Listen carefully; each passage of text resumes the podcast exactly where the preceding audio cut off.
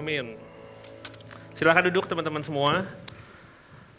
Nampaknya suasana liburan sudah terasa karena kursi sudah mulai kosong. Eh, semoga teman-teman semua yang tidak hadir beribadah bisa mengikuti secara online. Aku percaya anak-anak Abayut tuh radikal sekali. Pasti mereka lagi staycation sekarang dan mereka lagi ibadah online mereka yang lagi di perjalanan menuju kota yang lain, mereka sungguh-sungguh pasti mereka lagi ibadah online di mobil. Ya, kita doakan mereka semua yang lagi liburan. Oke teman-teman semua, sebelum kita memulai ibadah hari ini, eh khotbah hari ini, eh, ada kita sambut teman-teman kita dari eh, Cikarang, dari Yud Cikarang ada di belakang. Mereka sedang berkunjung. Juga ada Pendeta Nelson dari Malaka, di belakang juga, berikan sambutan bersama dengan Pak Tirto di belakang. Baik teman-teman semua, kita akan melanjutkan apa yang kita sudah bahas sepanjang bulan ini dan bulan depan, selama dua bulan ini, bulan April dan bulan Mei, kita ada dalam 50 hari masa Paskah. Jadi kalau teman-teman tahu masa Paskah bukan hanya Jumat Agung, Sabtu Suci, Minggu kebangkitan. Tapi ada sepanjang 50 hari masa Paskah. Dari Yesus mati sampai Roh Kudus dicurahkan di hari Pentakosta. Dan aku pengen kita semua belajar selama dua bulan ini ada banyak kisah dari Yesus mati di kayu salib bagi kita Yesus bangkit dan selama 40 hari dia berulang kali menunjukkan dirinya, menyatakan dirinya kepada banyak orang, terutama kepada murid-muridnya. Dan di sini kita akan dapat melihat betapa Kristus sangat mengasihi kita. Dan oleh sebab itu selama dua bulan ini, nah inilah topik-topik yang akan kita bahas sampai akhir bulan Mei, bertepatan dimulai daripada minggu pertama kita belajar tentang kedatangan Yesus menunggangi keledai masuk ke Yerusalem, kemudian kita bahas dalam minggu kedua di dalam Jumat Agung Paskah, kita belajar tentang mengalami kuasa kematian Kristus. Minggu lalu kita belajar tentang mengenal dia dan kuasa kebangkitannya. Nah hari ini kita minggu keempat kita kita akan belajar dari kisah pernyataan diri Yesus kepada Maria Magdalena, judulnya Aku telah melihat Tuhan. Minggu depan kita akan belajar tentang Pernyataan diri Yesus kepada dua orang yang berjalan menuju ke Emmaus. Judul khotbahnya adalah Bukankah hati kita berkobar-kobar? Kemudian kita akan belajar di dalam bulan Mei dari Thomas yang tidak percaya kepada Yesus. Judul khotbahnya adalah tidak tidak melihat namun percaya. Ini semua kisah yang berurutan teman-teman. Dari Yesus mati, Yesus bangkit, Pertama kali dia menunjukkan kepada orang-orang ini secara berurut. Kemudian minggu ketiga kita akan membahas tentang kuasa roh kudus dan menjadi saksi. Dan minggu keempat tanggal 27 seharusnya tanggal 28 adalah hari Pentakosta. Kita akan belajar tentang kuasa Pentakosta. Dan inilah semua yang akan kita pelajari selama dua bulan ini. Inilah sebuah cerita yang berurut. E, kalau teman-teman mengikutinya pasti teman-teman akan merasa ini cerita yang sangat seru, tapi bukan hanya seru, teman-teman bisa melihat ada kuasa di dalamnya. Ada kuasa kematian kebangkitan Kristus dinyatakan di dalamnya. Dan hari ini kita akan belajar.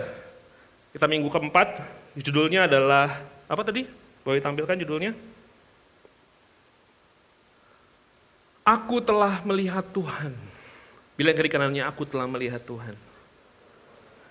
Teman-teman yang bilang gini, masa sih? Inilah yang dikatakan Maria Magdalena ya. Nah teman-teman aku akan membacakan dulu ceritanya dalam Yohanes 20 ayat 1 sampai 10 aku akan bacakan saja supaya teman-teman tahu konteks ceritanya ketika Yesus sudah mati di atas kayu salib. Dan aku akan bacakan Yohanes 20 ayat 1 sampai ke 10 dulu ya. Ini aku bacakan buat kita semua. Pada hari pertama minggu itu, pagi-pagi benar ketika hari masih gelap, Pergilah Maria Magdalena ke kubur itu, dan ia melihat bahwa batu telah diambil dari kubur. Ia berlari-lari mendapatkan Simon Petrus dan murid-murid yang lain yang dikasih Yesus, dan berkata kepada mereka, Tuhan telah diambil orang dari kuburnya, dan kami tidak tahu di mana ia diletakkan. Kira-kira begitu ya, karena dia wanita kan. Maka berangkatlah Petrus dan murid yang lain ke kubur itu. Keduanya berlari bersama-sama, tetapi murid yang lain itu berlari lebih cepat daripada Petrus, sehingga lebih dahulu sampai di kubur. Ayat 5, ia menjenguk ke dalam dan melihat kain kapan terletak di tanah, akan tetapi ia tidak masuk ke dalam. Maka datanglah Simon Petrus juga menyusul dia dan masuk ke dalam kubur itu. Ia melihat kain kapan terletak di tanah, sedang kain peluh yang tadinya ada di kepala Yesus tidak terletak dekat kain kapan itu, tetapi agak di samping di tempat yang lain yang sudah dan sudah tergulung. Maka masuklah juga murid yang lain yang lebih dahulu sampai di kubur itu, dan ia melihat dan percaya. Sebab selama itu mereka belum mengerti isi kitab suci yang mengatakan bahwa ia harus bangkit dari antara orang mati. Lalu pulanglah kedua murid itu ke rumah.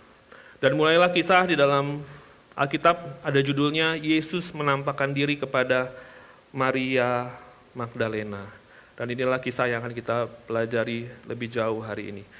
Di dalam Yohanes 20 ayat 11, tetapi Maria berdiri dekat kubur itu dan menangis. Sambil menangis, ia menjenguk ke dalam kubur itu. Dan tampaklah olehnya dua orang malaikat berpakaian putih yang seorang duduk di sebelah kepala dan yang lain di sebelah kaki di tempat mayat Yesus terbaring. Teman-teman, di sini kita bisa melihat Maria ini adalah pengikut yang mengasihi Yesus. Karena Alkitab berkata pagi-pagi benar. Karena hari sebelumnya adalah hari sabat, di mana orang nggak boleh ke mana-mana. Tetapi pada hari pertama minggu itu, Maria ini dengan kasihnya yang begitu besar, dia ini datang ke kubur. Dia mencari Yesus ke kubur. Tetapi Maria bukan hanya mengasihi Yesus, tapi kalau kita mesti tahu ceritanya bahwa Maria juga ke kubur dalam perasaan yang kecewa. Kenapa Maria kecewa? Karena Maria berpikir, ternyata Yesus yang kemarin mati bukanlah tokoh politik yang akan membangkitkan orang-orang Israel. Teman kita tahu ceritanya ya. Kekecewaan-kekecewaan murid-murid Yesus itu kenapa? Mereka berpikir Yesus itu akan mendirikan kerajaannya di bumi ini. Menggulingkan kerajaan Romawi. Dan itulah yang masih dimiliki oleh Maria Magdalena pada saat itu. Perasaan yang campur aduk. Dia mengasihi Yesus, tapi di waktu yang sama dia berpikir gini, Yesus sudah mati kemarin. Kirain dia akan mendirikan kerajaannya. Kirain dia akan bangkit mendirikan kerajaannya supaya kita ini keluar daripada penjajahan Romawi. Itulah yang Maria Magdalena pikirkan. Dan kenapa Maria Magdalena menangis? Karena mereka tahu bahwa Yesus sudah tidak lagi ada di kubur. Betul ya? Maria Magdalena itu nangis karena mayat Yesus itu hilang. Nah, mungkin teman-teman berpikir, kenapa harus nangis? Bukankah Yesus sudah ngomong dari sebelumnya, rombak bait suci kalau dalam tiga hari aku akan bangun kembali. Bukankah dulu sebelum-sebelum Yesus sudah ngomong bahwa dia akan mati dan bangkit? Kenapa dia? Kenapa Maria Magdalena ini menangis? Maria Magdalena ini menangis bukan karena tahu Yesus bangkit. Maria Magdalena ini menangis karena di dalam kisah dan tradisi mereka, orang yang mati, orang yang telah dikubur, mayatnya itu bisa dicuri orang. Jadi kalau teman tahu kisah bangsa Israel ya, ketika Daud itu melawan Goliat dan Goliat itu mati. Kepala Goliat itu dipotong, betul ya?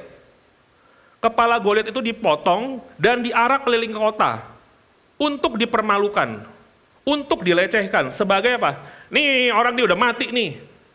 Dan orang-orang kota ngapain? Orang-orang kota bersorak-sorai Bahkan pada saat kepalanya Goliat itu dibawa, wanita-wanita pada situ menari-nari. Ya mungkin ini wanita wanita yang dulu nyanyi-nyanyi sama Daud sama Saul. Daud mengalahkan eh Saul mengalahkan beribu-ribu. Daud mengalahkan berlaksa-laksa. Nah, mungkin cewek-cewek ini kali ya. Yang bersorak-sorai ketika kepala Goliat itu lewat. Nah, dalam pemikiran mereka, dalam pemikiran mereka, mayat Yesus itu dicuri. Nanti aduh, apa yang apa kata orang yang nanti gimana ya ceritain mayat Yesus dicuri? Nanti kalau dia mayatnya entah dibuang ke mana kalau nanti kepalanya dipotong untuk dilecehkan. Jadi itu perasaan Maria Magdalena. Teman baru tahu kisah ini? Jadi bukan karena Yesus sudah hilang naik dia menangis terharu. Bukan. Karena ketakutan Maria Magdalena mayat Yesus diambil dan diapa-apakan orang. Bahkan dipermalukan orang. Itu ketakutan Maria Magdalena sehingga dia menangis. Dan di ayat ke-13, kata malaikat-malaikat itu kepadanya, Ibu, mengapa engkau menangis? Jawab Maria kepada mereka, Tuhanku telah diambil orang dan aku tidak tahu di mana ia diletakkan.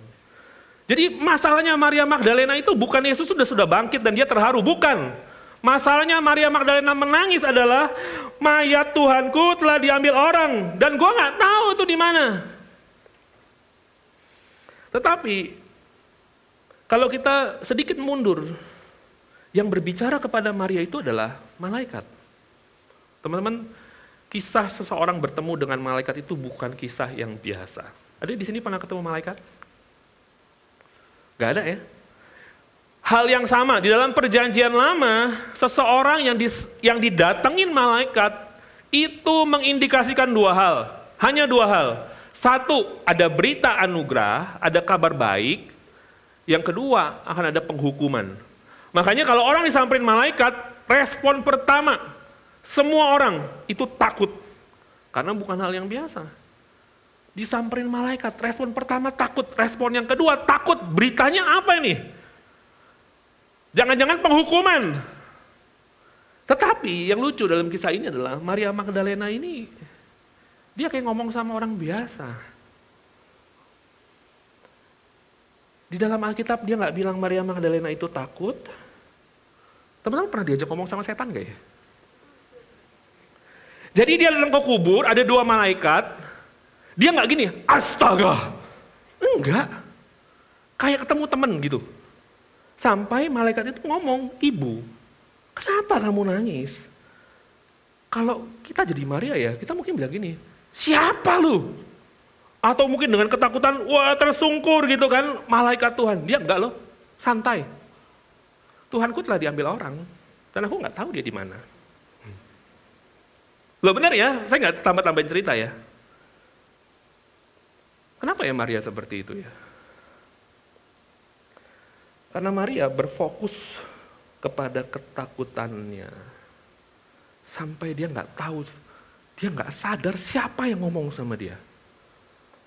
Karena ada ada fokus di dalam kepala, di dalam pikirannya yang membuat dia tuh gak gubris. Mau malaikat kek, mau siapa kek, dia tanya gue jawab.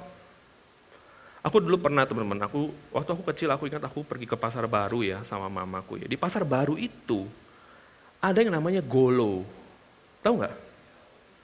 Itu kan nggak tahu ya jualan apa itu, pokoknya campur-campur deh. Tapi seneng anak kecil datang ke situ. Karena aku dari rumah mau ke Golo, aku ingat mamaku gandeng tanganku.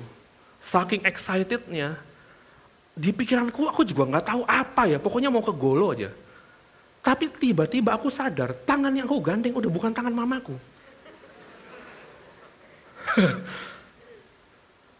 Kapan aku sadar?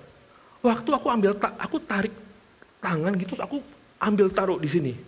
Mau aku cium tangannya gitu loh. Tiba-tiba itu tangan angkat gini, apa gitu.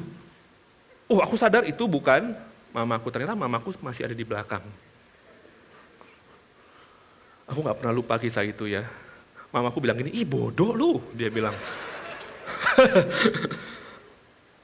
Tetapi waktu aku baca kisah ini ya, saking desperate-nya, saking takutnya, saking nangisnya, sedihnya, sampai Malaikat ini ngomong sama dia gitu, kenapa kamu nangis ibu? Dia jawab, Tuhan telah diambil orang dan gue nggak tahu dia di mana. teman-teman semua, pemikiran kita yang tidak tertuju kepada Tuhan ya. Kalau kita hari ini mungkin dikurung oleh kesedihan kita, pikiran kita, kegalauan kita ya, kita nggak akan pernah bisa melihat Tuhan dan kuasanya. Aku ulangi ya. Kalau hari ini teman-teman mungkin kau ada yang galau ya, habis putus cinta, sedih, apa pun lah ya. Dan itu terus dikonsum gitu ya, kau nggak akan pernah bisa melihat kehadiran Tuhan dan kuasanya bekerja dalam hidupmu. Mau malaikat pun, Tuhan pun nggak akan tergubris. Nanti kita lihat kisahnya si Maria Magdalena ini. Di ayat 14, sesudah berkata demikian, ia menoleh ke belakang dan melihat Yesus berdiri di situ. Tetapi ia tidak tahu bahwa itu adalah Yesus. Lagi-lagi, kagak fokus. Kata Yesus kepadanya, Ibu, mengapa engkau menangis? Teman-teman ini adalah perkataan yang sama betul ya? Si malaikat juga tanya hal yang sama loh. Ibu, mengapa engkau menangis? Kata malaikat. Kemudian Yesus tanya lagi, tapi ini udah bukan malaikat. Yesus tanya kepada Maria, Ibu, mengapa engkau menangis? Tetapi Yesus tambahin satu pernyataan gini, pertanyaan begini. Siapakah yang engkau cari?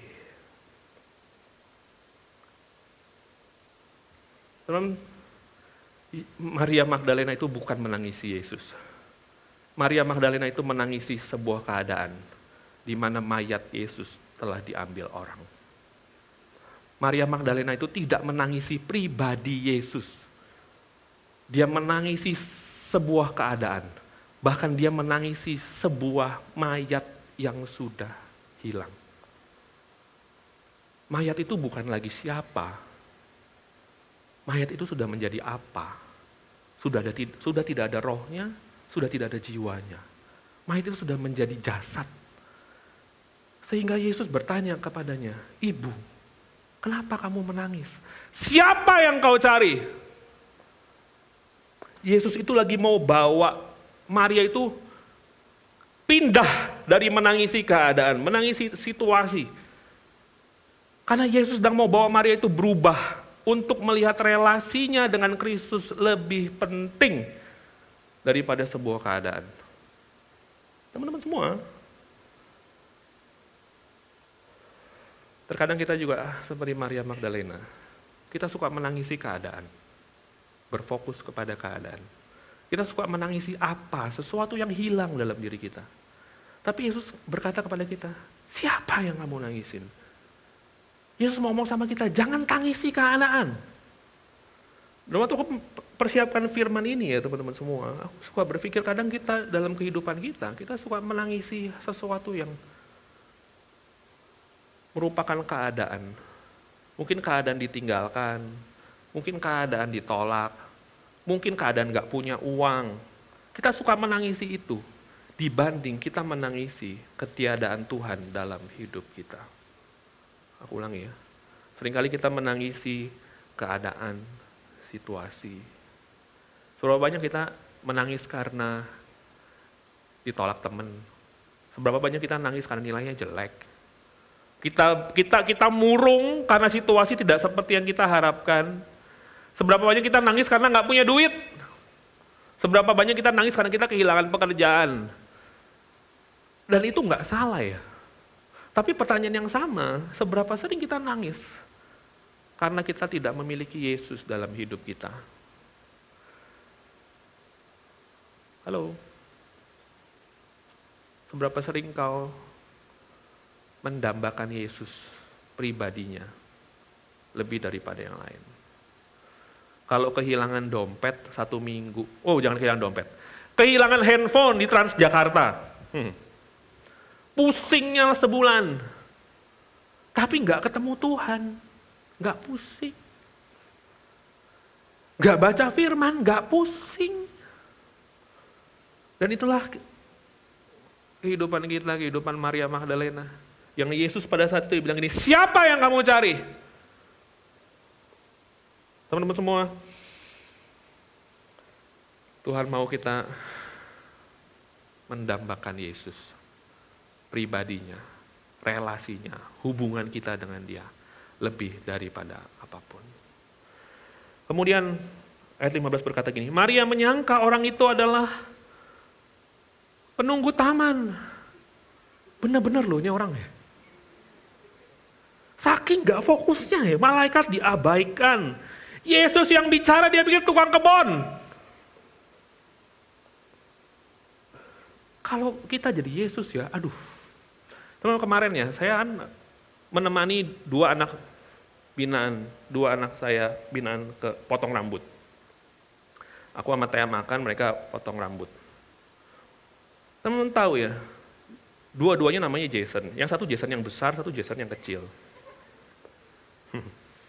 Mereka berdua potong rambut. Habis aku makan, Jason yang kecil ini sedang sedang bayar di kasir. Lalu aku samperin ke kasir.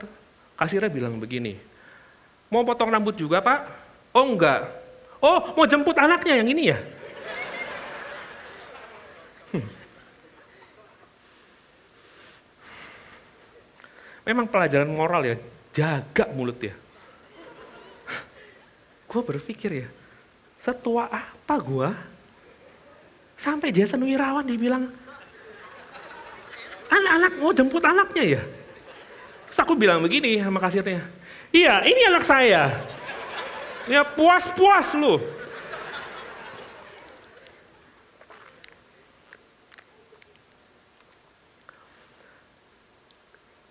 Aku sedikit tersinggung. Tetapi Yesus, Maria menyangka orang itu adalah tukang kebun. Bener-bener. Kalau bisa digebukin, digebukin Maria. Lalu dia berkata kepadanya, Tuhan, jikalau Tuhan yang mengambil dia kurang ajar nggak? Dia pikir ini tukang kebun nih yang ngambil dia nih. Yang ngambil mayatnya ini, kan konyol sekali. Lalu berkata kepada Tuhan, jikalau Tuhan yang mengambil dia, katakanlah kepadaku di mana Tuhan meletakkan dia supaya aku dapat mengambilnya. Malaikat juga nggak dianggap, Yesus sendiri juga nggak dianggap. Tahu, yang yang Maria ini fokuskan tuh cari mayat, bukan cari relasi. Dia sungguh-sungguh nggak kenal sama Tuhannya. Sudah lama dia ikuti Yesus, bertahun-tahun dia ikuti Yesus, tapi juga dia nggak kenal Yesus.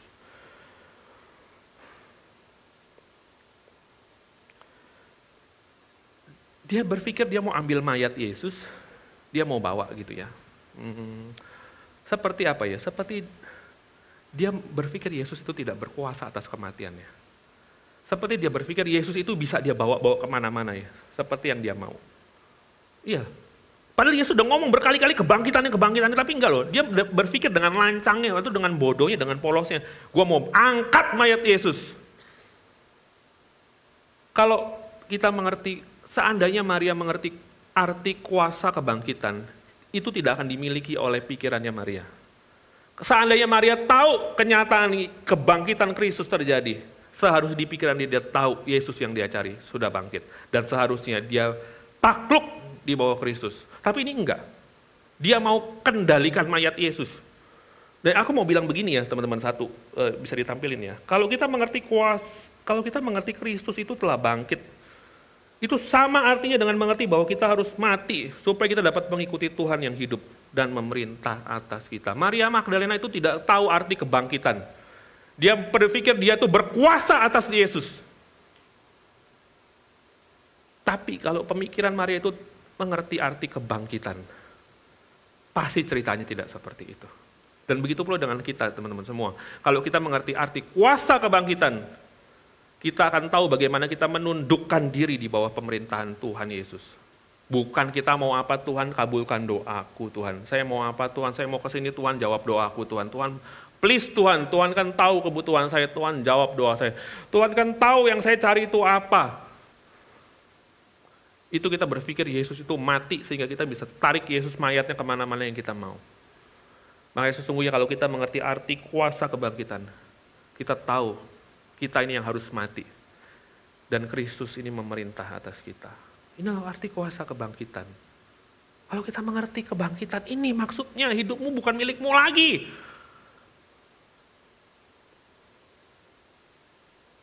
Ayat 16, kata Yesus kepadanya, ini benar-benar ya. Maria. Kan seru soalnya. Teman-teman ya, aku pernah ke supermarket ya sama papaku ya. Papaku bilang, Cap kita cari ini, kita beli ini. Tapi di pikiranku tuh ciki, biskuit. Wah cari, cari, cari, cari. Terus papaku bilang nih, tak dulu cari ini dulu. Wah tetap cari-cari apa, biskuit apa segala macam dulu waktu kecil kan. Wah lagi, papaku udah ngomong lagi, eh cari ini dulu kan kita mau beli ini. Cari, cari, cari, cari, cari. Terus gitu, tetap cari ciki yang lu suka, citato, citos, apa segala macam. Sampai bokap gue bilang gini, Kevin, di situ gue sadar, oh tujuan awal ke supermarket bukan ini. Itulah yang Yesus lakukan kepada Maria. Muter-muter nih orang kagak paham-paham. Yesus nggak ngomong, Maria, Ave Maria. Maria, gitu. Uh, Maria berpaling dan berkata kepadanya dalam bahasa Ibrani, Rabuni, artinya guru. Kata Yesus kepadanya, janganlah engkau memegang aku, sebab aku belum pergi kepada Bapa. Tetapi pergilah kepada saudara-saudaraku dan katakan kepada mereka bahwa sekarang aku akan pergi kepada Bapakku dan Bapakmu, kepada Allahku dan Allahmu. Teman-teman tahu, Ketika Maria itu menyadari keberadaan itu Yesus, ketika dia menyadari itu Yesus. Kalau kita melihat beberapa ya tafsiran ya, penafsir itu bilang begini, begini Maria itu seketika itu hatinya bersuka cita dan bergembira hatinya, kemudian dia memegang Yesus. Bahkan beberapa penafsir bilang Maria ini pegang kaki Yesus. Tetapi Yesus berkata begini, jangan kau memegang aku. Ketika Yesus ber, ketika Yesus panggil nama Maria, Yesus sedang mau ngomong begini ya, Maria, saya ini yang mati bagimu. Saya ini yang bangkit bagimu. Lalu giranglah dia, dia pegang kaki Yesus dengan bergembira. Sampai Yesus berkata, janganlah engkau memegang aku. Uh, sebetulnya di dalam terjemahan-terjemahan yang lain, ini bukan memegang touch gitu ya, atau bukan pegang begitu. Tapi di dalam terjemahan yang lain, di dalam terjemahan asli atau ESV ya, Maria Magdalena ini peluk kaki Yesus. Dia bersuka cita, betul, tapi dia juga pegangin kaki Yesus.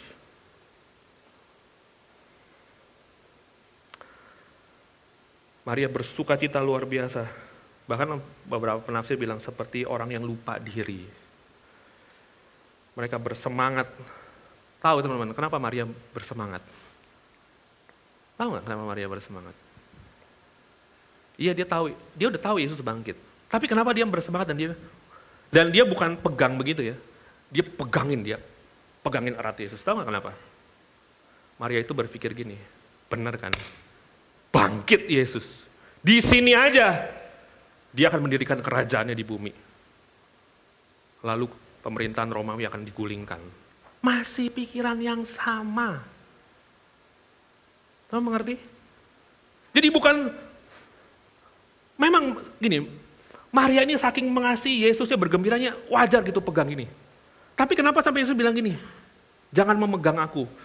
Bahasa aslinya bukan jangan pegang begitu, bahasa aslinya ngomong gini, jangan pegangin gua gitu loh.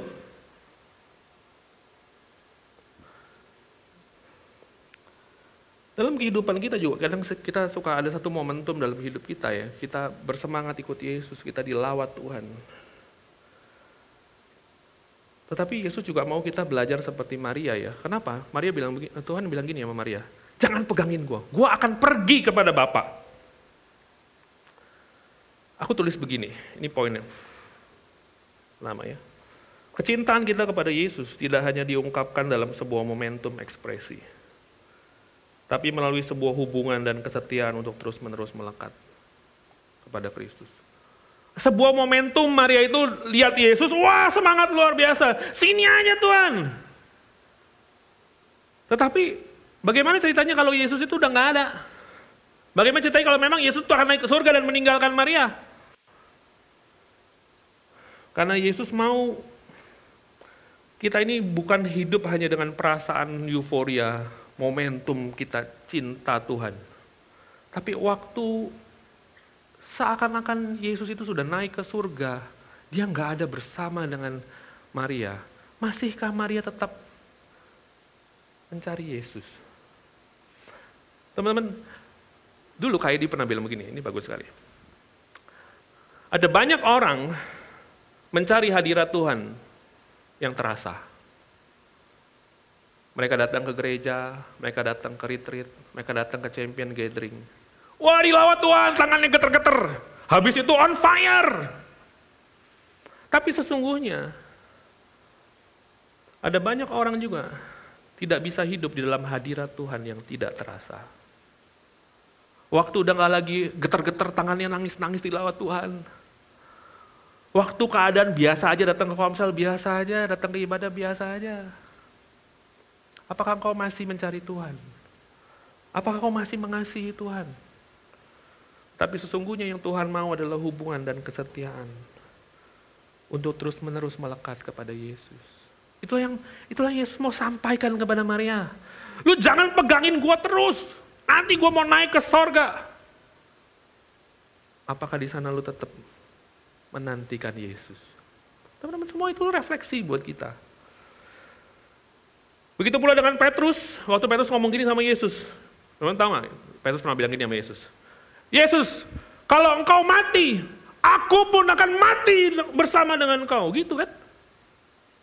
Lalu murid Yesus yang lain bilang apa? Iya, kita ingin ikut mati. Tapi waktu Yesus ditangkap, semuanya kabur. Itu juga dengan kita. Hari ini kita ibadah. Yuk ikut champion gathering. Tuhan, hidupku ku beri untuk Tuhan. Habis itu ketemu pacar. Nggak jadi Tuhan. Sabtu malam minggu. Saya pada dengerin Kevin Martin khotbah. Malam mingguan. Mungkin kita pernah bilang sama Tuhan, saya mau ikut Tuhan selamanya. Lalu malaikat mulai bernyanyi.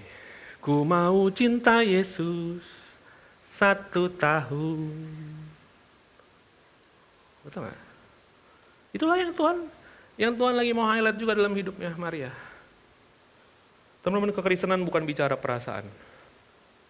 Tapi sebuah keputusan, komitmen, kesetiaan.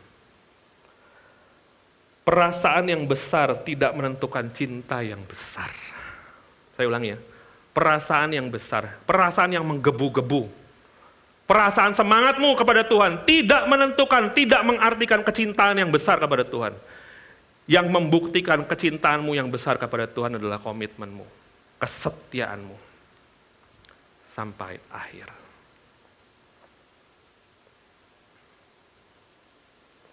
Itulah yang dilakukan Yesus bagi kita. Dia mengasihi kita bukan dengan kata-kata saja. Dia mengasihi kita dengan tindakan yang nyata. Betul ya? Dia mati bagi kita di saat kita berdosa. Itu kekristenan. Di ayat ini kita baca begini. Yesus bilang gini, sebab aku belum pergi kepada Bapak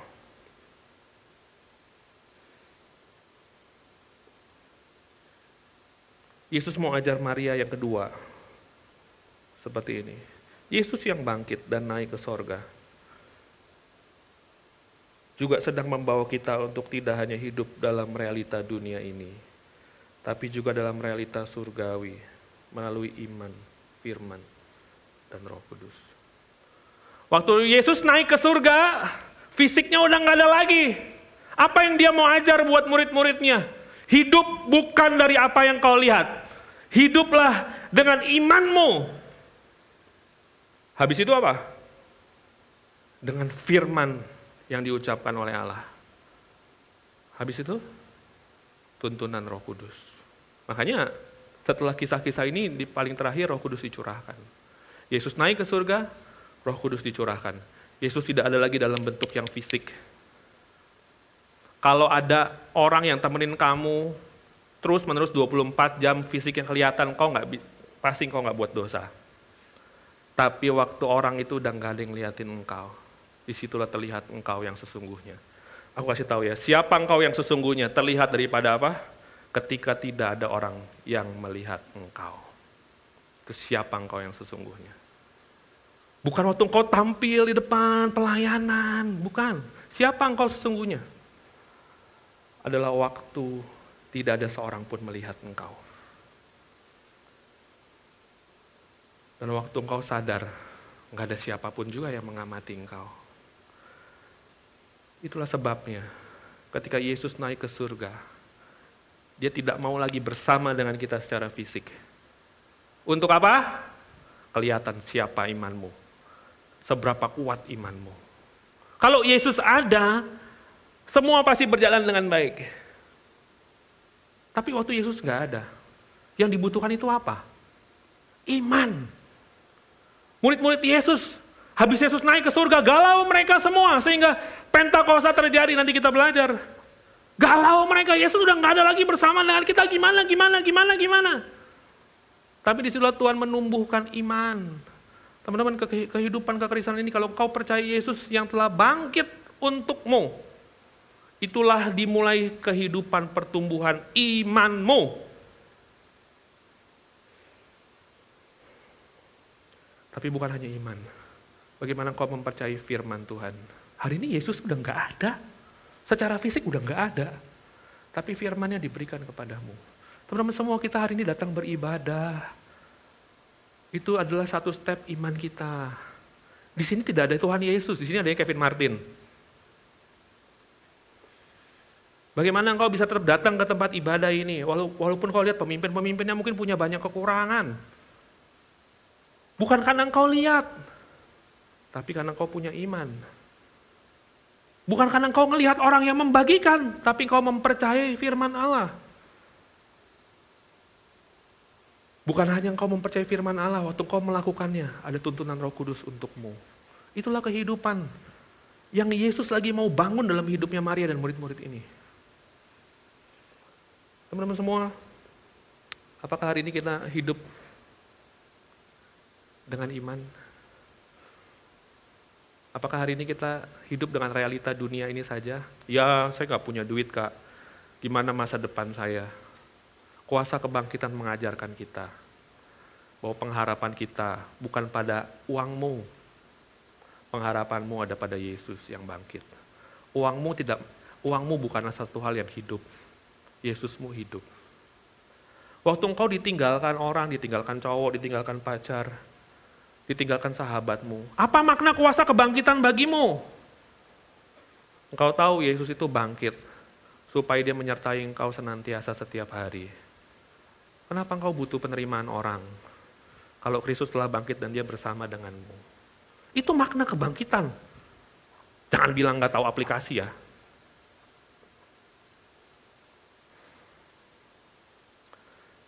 Hiduplah di dalam iman kalau teman-teman kita hidup bilang kita orang Kristen, tapi kita masih jadikan dasar realita kenyataan yang ada hari ini saja untuk hidup, itu bukanlah kehidupan kekristenan. Kehidupan kekristenan adalah realita hari ini dengan iman.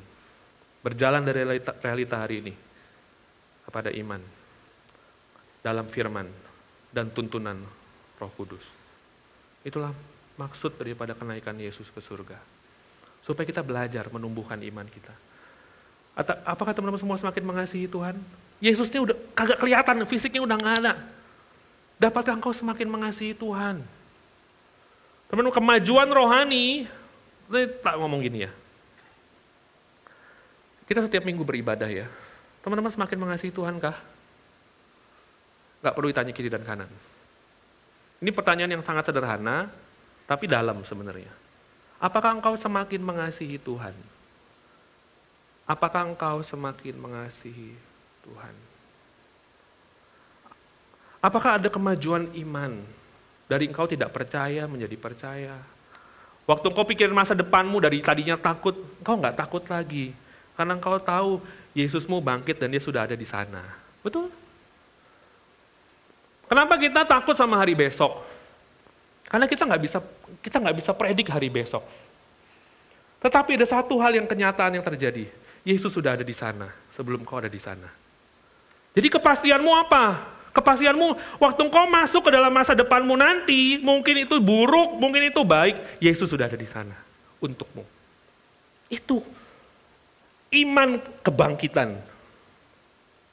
Sehingga hari ini kau belajar menyerahkan hidupmu kepada Tuhan. Masa depanmu, kuliahmu, pekerjaanmu kepada Tuhan. Mungkin di depan akan kegagalan terjadi. Gak apa-apa, di sana ada Tuhan Yesus di sana. Itulah iman kebangkitan. Teman-teman semua, itulah yang Yesus sedang mengajarkan kepada kita. Untuk kita tidak hidup daripada hanya realita hari ini. Tetapi dari iman, firman, dan roh kudus. Bilang kiri kanannya, iman, firman, dan roh kudus.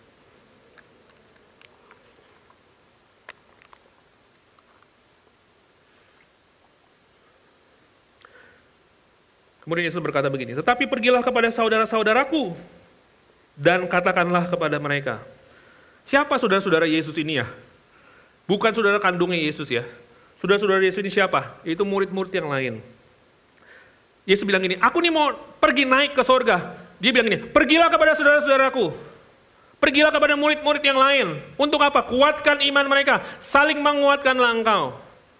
Yesus yang naik ke surga, membawa kita mengerti bahwa kehadiran Yesus di dalam dunia dan kehidupan kita juga dapat dialami dalam sebuah komunitas. Yesus bilang ini, aku ini udah nggak bersama denganmu, tapi tubuhku, yaitu kamu, ada untukmu. Jadi juga makna kebangkitan Kristus adalah bagaimana kita bisa hari ini hidup mengalami Tuhan bersama-sama dengan satu dengan yang lain. Adakah yang hari ini masih belum komsel juga? Yesus sudah bangkit.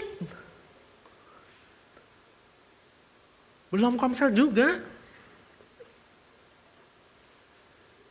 Yesus naik ke surga supaya kau bisa bersekutu juga dengan saudara seiman yang lain. Dan kau mengalami Tuhan di sana bersama-sama. Dia adalah kepala dan kita adalah tubuhnya. Teman-teman semua, hari ini ayo ada kemajuan rohani. Yang belum komsel, yang tidak ada teman kompaknya, ayo mulai bersekutu.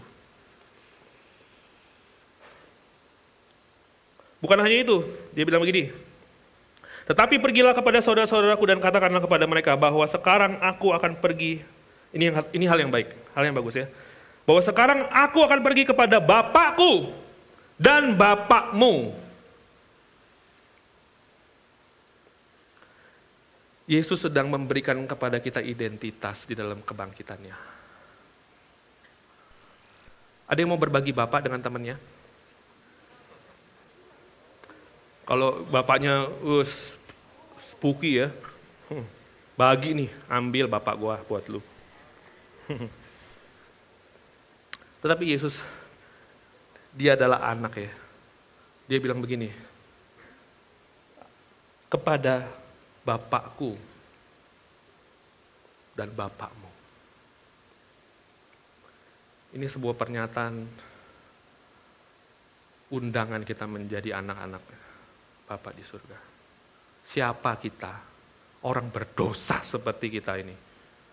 Tapi Yesus bilang gini, kepada Bapakku dan Bapakmu. Kenapa Yesus kepada, bilang kepada Bapakmu? Kamu yatim piatu, kita ini semua yatim piatu orphan semua. Tapi Yesus bilang ini, Bapakku dan Bapakmu. Supaya kasih yang aku terima dari Bapakku, juga kamu terima kasih yang sama. Itu maksudnya. Tapi dia juga bilang gini, kepada Allahku dan Allahmu. Ini sebuah pernyataan yang disampaikan dalam kitab Rut pasal yang pertama. Jadi Yesus ini mengambil kutipan apa yang Ruth katakan kepada Naomi. Aku akan, ini terakhir teman-teman di penyembahan boleh maju ke depan ya. Kita dapat melihat apa maknanya ketika Yesus berkata kepada Bapakku dan Bapakmu, kepada Allahku dan Allahmu. Inilah kisah di dalam Rut pasal yang pertama menjadi sebuah penggenapan di dalam Yesus. Ketika Naomi berkata kepada Rut, Naomi bilang sama Ruth begini, eh Ruth, pergi, pergi, pergi. Saya udah gak punya anak lagi untuk dinikahkan kepadamu. Pergi aja kamu, pergi kamu. niat hatinya Naomi baik. Supaya Ruth nggak menderita lagi. Dan dan Naomi bilang kepada Ruth gini, pergi saja kamu, jangan sama aku lagi, ngapain kamu sama aku? Aku nggak punya anak laki-laki lain untuk diberikan kepadamu, nggak usah sama aku pergi, kamu bisa cari yang lebih baik. Lalu yang yang yang yang baik Ruth menjawab begini. Tetapi kata Ruth, janganlah desak aku meninggalkan engkau Naomi dan pulang dengan tidak mengikuti engkau. Sebab ke mana engkau pergi, ke situ jugalah aku pergi. Dan di mana engkau bermalam, di situ jugalah aku bermalam. Bangsamulah bangsaku, dan Allahmu lah Allahku. Perkataan Ruth kepada Naomi ini diambil oleh Yesus. Ini teologinya Ruth di, diambil oleh Yesus. Ayat 17, Ruth berkata begini, di mana engkau mati, aku pun mati di sana dan di sanalah aku dikuburkan. Beginilah kiranya Tuhan menghukum aku, bahkan lebih lagi daripada itu. Jikalau sesuatu apa pun memisahkan aku dari engkau, selain daripada maut. Teman-teman semua, Ruth ini adalah tipologi, gambaran daripada Yesus.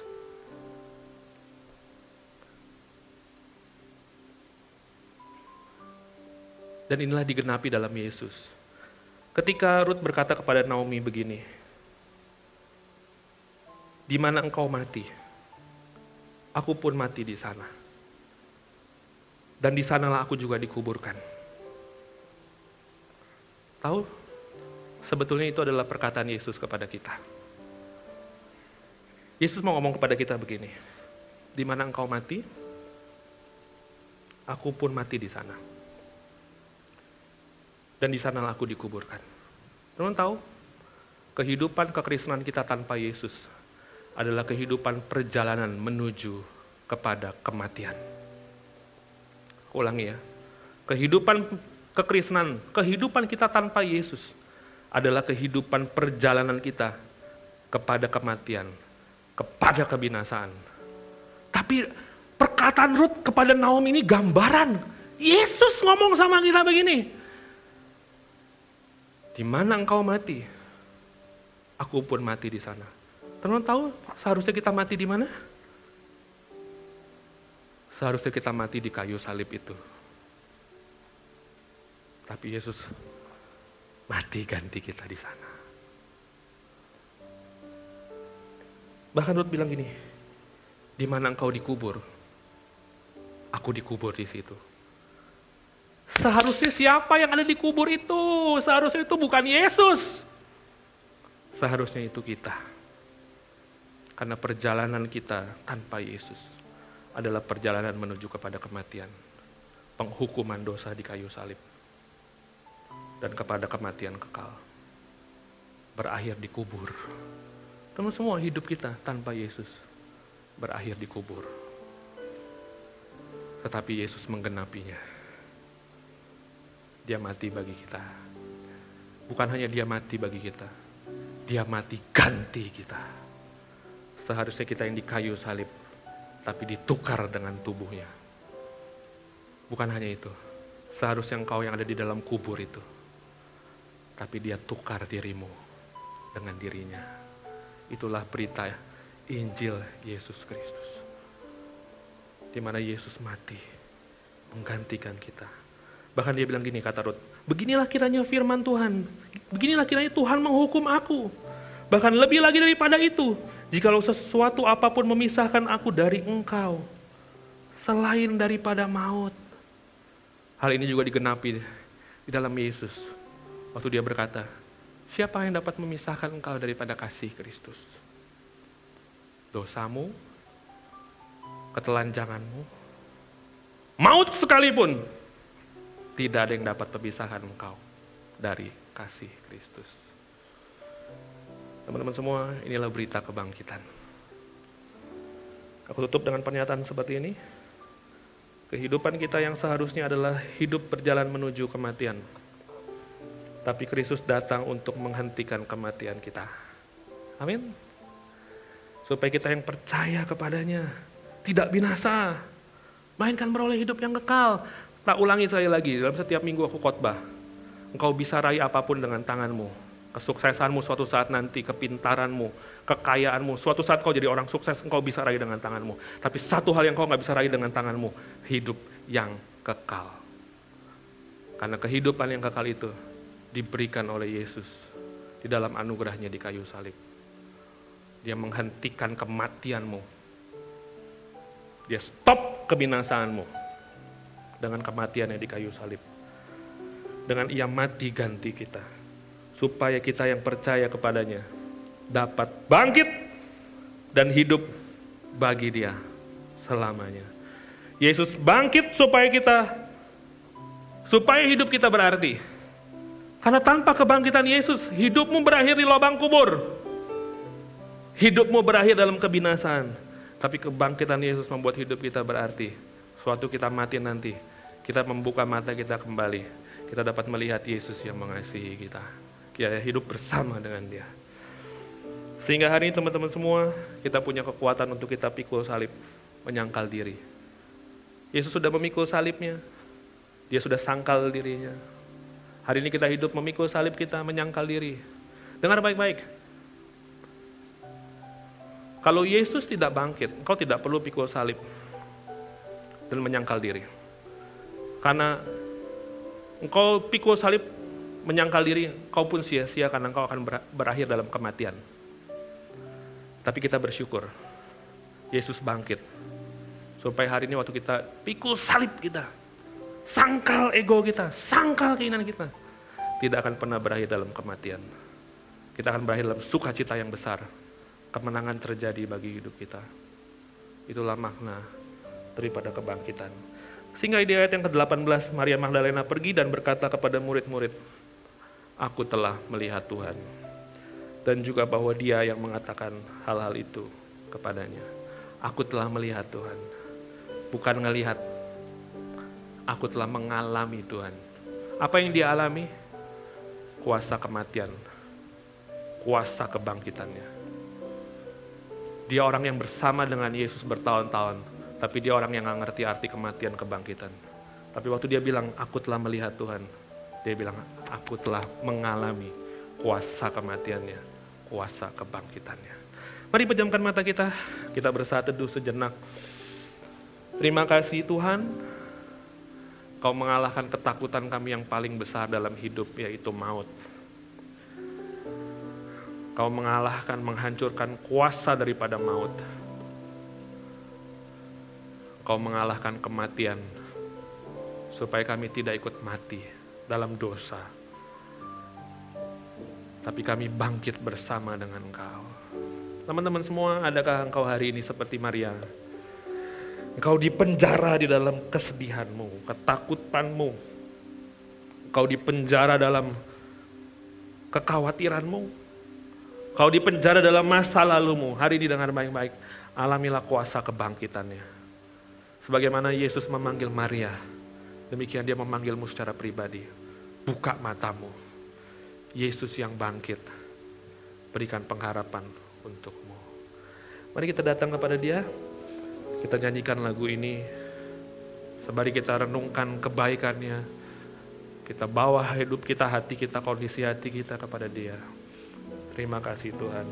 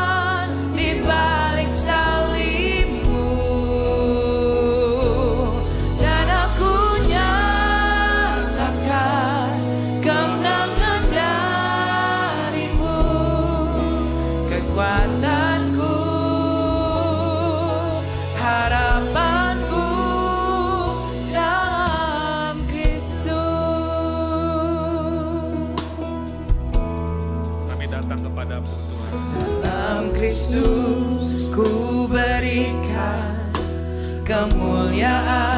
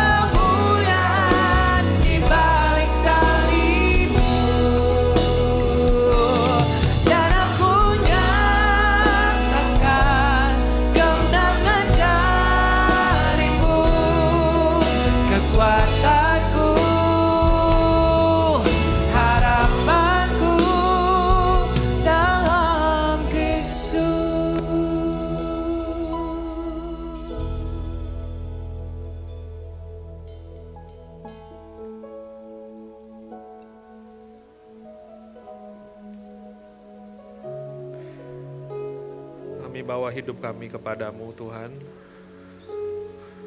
Bahwa kami memaknai Engkau yang telah mati dan bangkit. Dalam hari-hari yang paling biasa. Dalam pemikiran yang paling sederhana. Dalam pertanyaan yang tidak terjawab. Dalam kegelisahan hati. Dalam kegalauan hati. Biarkan roh kudus membukakan mata hati kami. Untuk melihat kuasa yang besar daripada kehidupan, kematian, dan kebangkitanmu. Sehingga kami dapat menjadi seperti Maria dan berkata, kami telah melihat engkau, kami telah mengalami engkau. Kami mengalami kuasa pertukaran salibmu. Bapa di surga, kami anak-anakmu. Kau telah mencurahkan roh kudus supaya kami mengerti isi hatimu. Supaya kami mengerti firmanmu supaya kami punya pengalaman iman bersama dengan Engkau. Kami berdoa Tuhan, tumbuhkan iman kami.